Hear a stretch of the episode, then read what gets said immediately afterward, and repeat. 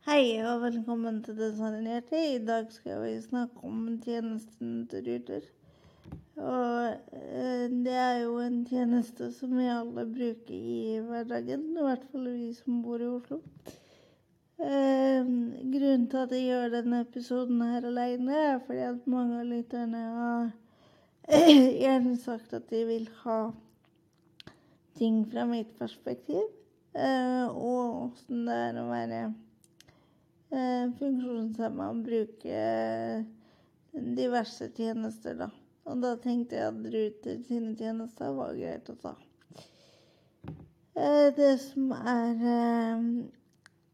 greit nå, er at jeg ber om eh, forståelse for at det her er mine synspunkter, og at det er egenopplevde erfaringer. For det kan jo være eh, diverse meninger om ting, om det funker bra eller dårlig. Men det jeg skal ta utgangspunkt i, er da temaene og trikk. Buster bruker ikke så mye, så derfor så blir det feil at jeg uttaler meg om det. Eh, Men i hvert fall i forhold til trikk, så har de jo gjort en kjempeoppgradering. Der fungerer det jo veldig bra. Det er godt tilpassa, godt tilrettelagt. Du kjører rett inn, rett ut med den farta du sjøl ønsker. Du slipper å ta renna fart, og eh, du kommer eh, kommer eh, dit du skal. Eh, sånn at eh, det er veldig kjekt. Eh, Det som er og utfordringa med temaene til sammenligning, da, er jo at eh, du har eh, veldig stor forskjell på plattformene, og så har du den den feilen ofte at du må ta i skikkelig fart for å komme deg inn på. Det er også vanskelig for Ruter å få gjort noe med de, de plattformene. eh, Sånn at eh, delvis da pga. Riksantikvaren på i hvert fall Nationaltheatret og Majorstua, fordi at en del av de elementene som er der, er freda. Så det er veldig, veldig vanskelig å få gjort noe med. Men der må det gå an å finne en løsning for både Ruter og Sporveien og Oslo kommune. Så må Riksantikvaren bli fornøyd med. Fordi at eh, Sånn som jeg bruker jo ikke Nationaltheatret eh, til å gå på, fordi det, det er direkte utrygt. Det føles skummelt, og det vil jeg ikke. Det, så der bør det absolutt gjøres noe. Eller sånn rent digitalt så er Ruter sine tjenester veldig fine. Det er enkelt å finne frem, og du får betalt med VIPS, og det er veldig greit sånn sett, da. Um, det som hadde vært eh, kult sånn i framtida, som jeg òg tenkte vi skulle snakke litt om, var jo eh, det Ruter prøver å få til med eh, altså selvkjørende busser og den type ting, for det er et veldig interessant tema. Sånn for min egen del så var jeg jo med og testa selvkjørende busser i 2019. Og nå er jo Groruddalen Jeg sitter jo på Romsås nå, og nå er jo Groruddalen plukka ut til å bli det første testsenteret til å kjøre det ordentlig. Så det gleder jeg meg veldig til å få ta del i. Det har jeg jo blitt spurt om allerede, så det setter jeg veldig pris på.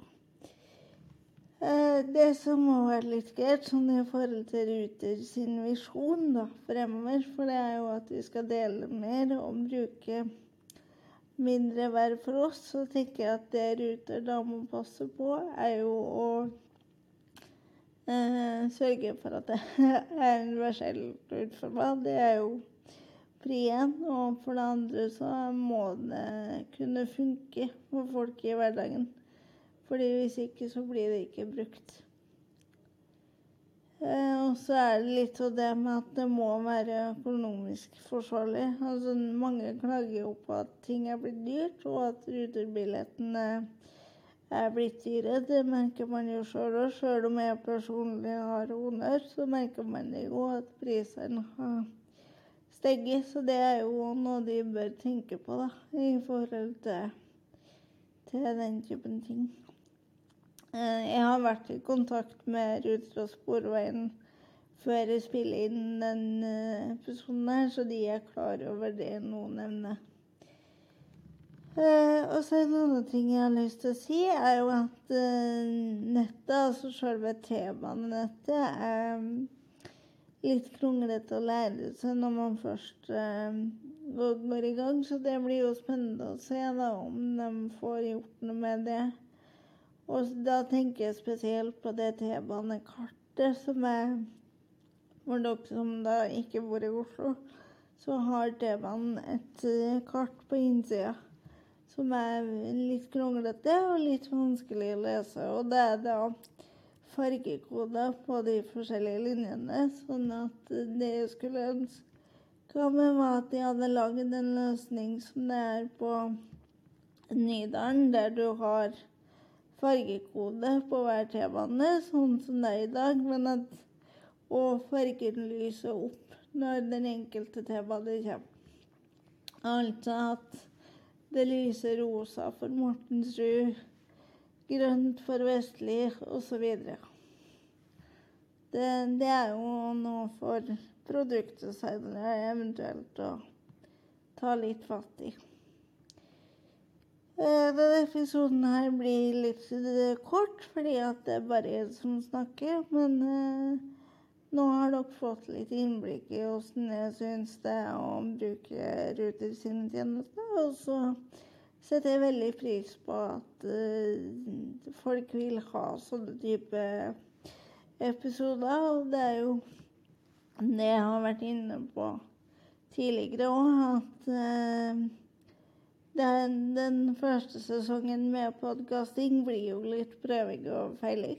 Og det er veldig kult å få testa ut nye konsepter, og at folk lar meg få holde på, og la meg bruke deres tjenester. Det syns jeg jo er veldig kult. Så neste episode blir da litt lenger med eh, Morten Selters, som da har utvikla Apprendly som da handler om spill for læring. Så da ses vi eh, ved neste episode.